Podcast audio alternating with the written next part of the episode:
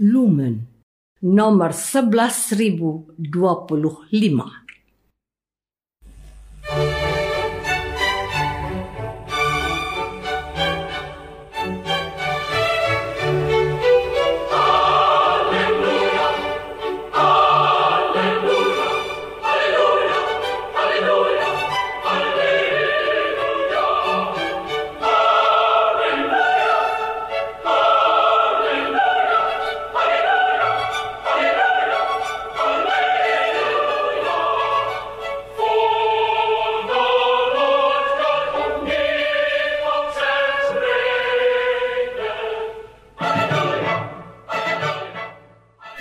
Saudara pendengar di segenap penjuru tanah air, selamat bergabung dengan Lumen Indonesia. Lumen Indonesia siap melayani Anda setiap hari. Saudara terkasih, marilah kita bersatu dalam Tuhan kita Yesus Kristus yang tidak berubah dahulu, sekarang, dan selama-lamanya. Allah Sang Maha Rahim mengasihi dan menerima sebagaimana adanya kita Allah Bapa kita di surga senantiasa bersedia menolong, menghibur, dan meneguhkan kita dalam menghadapi segala permasalahan hidup sehari-hari.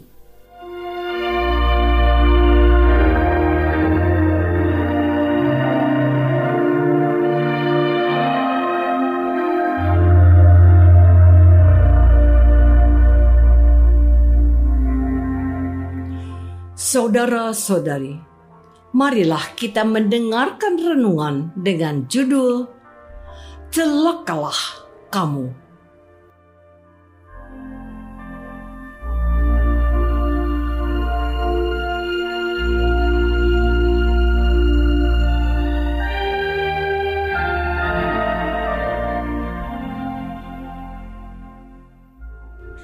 yang berdasarkan pada Injil Lukas bab 11 ayat 42. Yesus bersabda, Celakalah kamu, hai orang-orang Farisi, sebab kamu membayar persepuluhan dari selasih, inggu, dan segala jenis sayuran, tetapi kamu mengabaikan keadilan dan kasih Allah.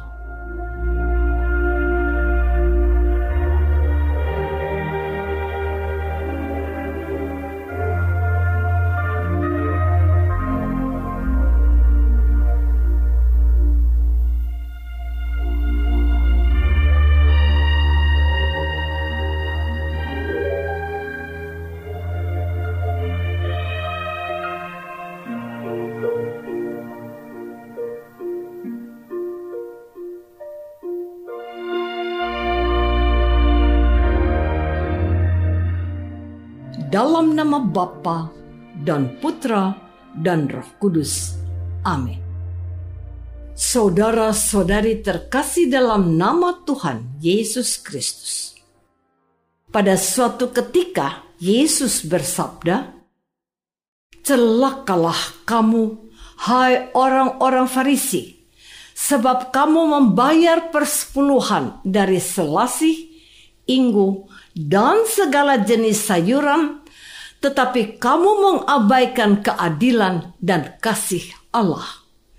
Yang satu harus dilakukan dan yang lain jangan diabaikan.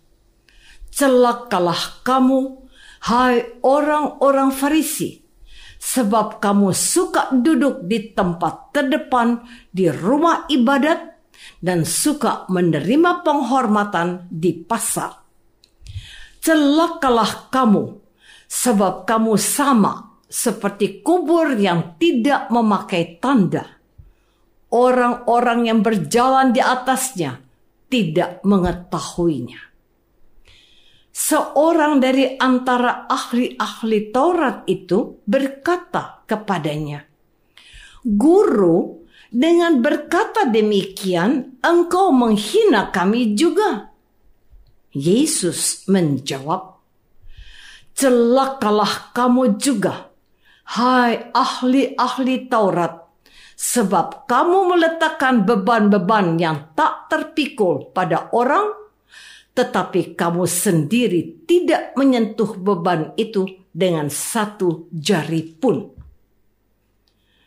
Saudara-saudari terkasih, pada berbagai masyarakat selalu diajarkan untuk berbicara dengan sopan dan santun. Bahkan cara berkomunikasi yang baik ini sering menunjukkan kualitas kebudayaan masyarakat tersebut. Sejak kecil pun kita selalu diajarkan berbicara dengan baik.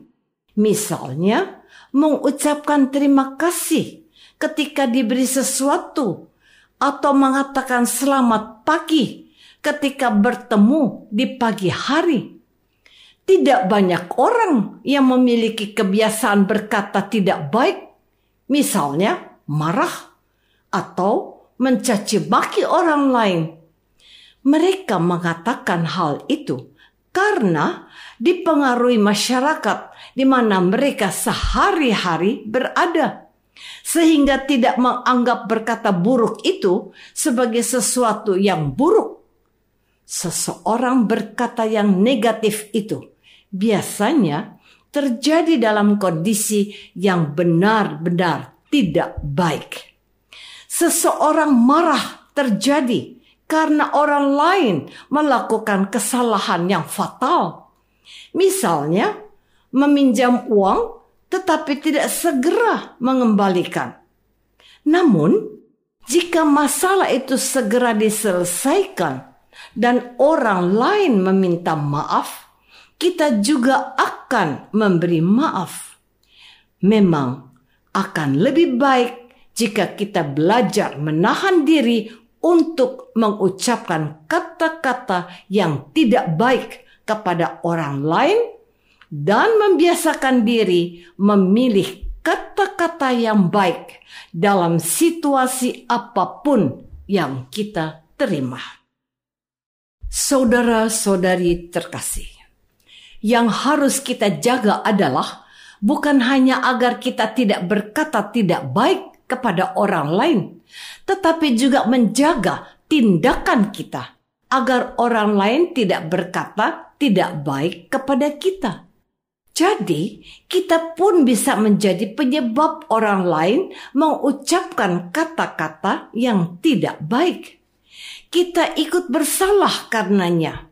Kesadaran akan komunikasi dua arah ini penting agar kata-kata yang tidak pantas diucapkan tidak keluar dari mulut.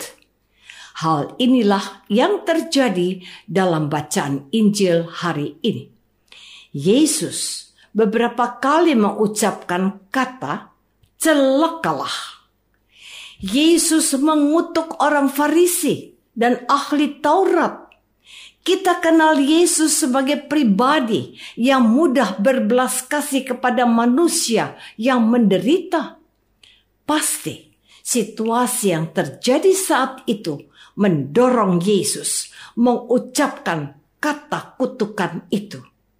Yesus benar-benar marah atas tindakan orang Farisi dan ahli Taurat yang menurut Yesus sudah melampaui batas dan tidak bisa ditolerir lagi.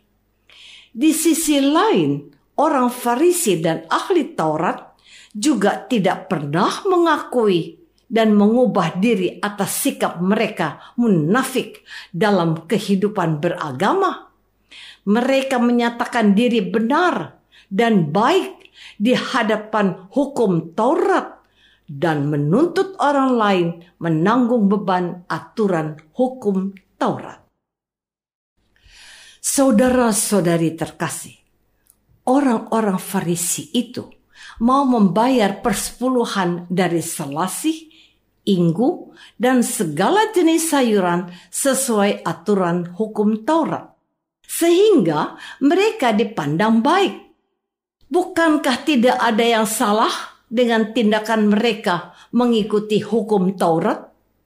Mengapa Yesus sampai sedemikian marah? Ternyata karena Yesus mengetahui kepalsuan mereka. Orang Farisi dan ahli Taurat mengabaikan keadilan dan kasih Allah yang sebenarnya adalah tujuan utama hukum Taurat.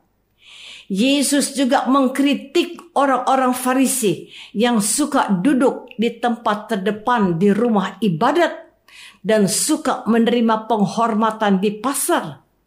Dengan keras, Yesus mengutuk mereka karena perbuatan mereka menyebabkan orang lain tidak mengetahui bahwa mereka berjalan di atas kubur. Orang Farisi membuat celaka orang lain.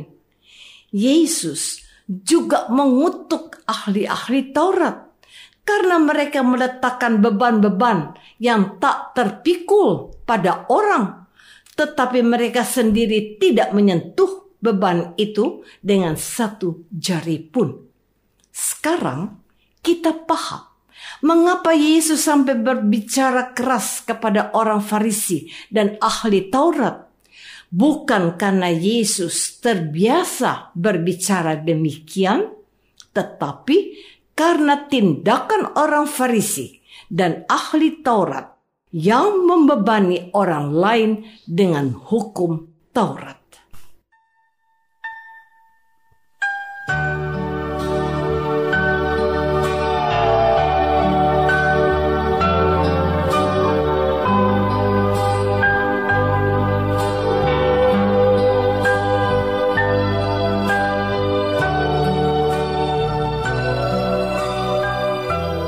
Saudara terkasih, marilah kita masuk dalam saat hening sejenak untuk meresapkan renungan yang baru saja kita dengar bersama dalam kehidupan iman kita masing-masing.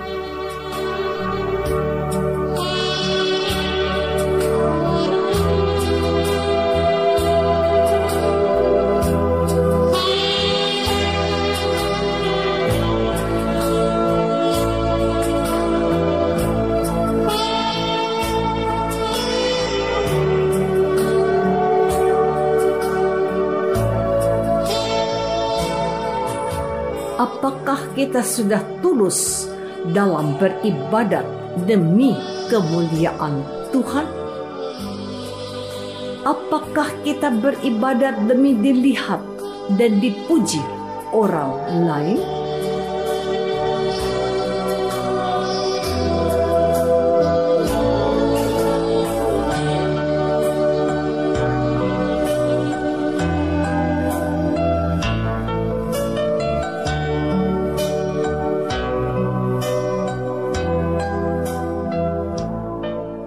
Marilah kita berdoa. Ya Tuhan, dalam melakukan hukum agama, kami ingin dihormati sebagai orang baik, orang suci. Kami melupakan dirimu yang bukan tujuan sebuah peribadatan, tetapi sumber hidup kami. Ajarlah kami untuk rendah hati dan mengagungkanmu setinggi-tingginya Engkaulah Tuhan kami, kini dan sepanjang masa. Amin. Semoga kita semua selalu dinaungi dan dibimbing oleh berkat Allah yang Maha Kuasa, Bapa dan Putra dan Roh Kudus. Amin.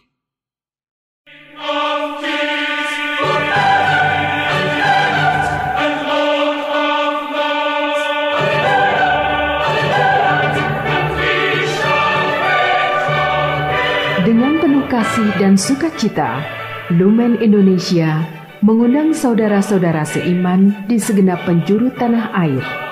Sekiranya ada tanggapan ataupun saran, kirimkan surat Anda ke Lumen Indonesia. Terima kasih atas perhatian Anda. Sampai berjumpa lagi dengan Lumen Indonesia pada waktu dan gelombang yang sama esok hari.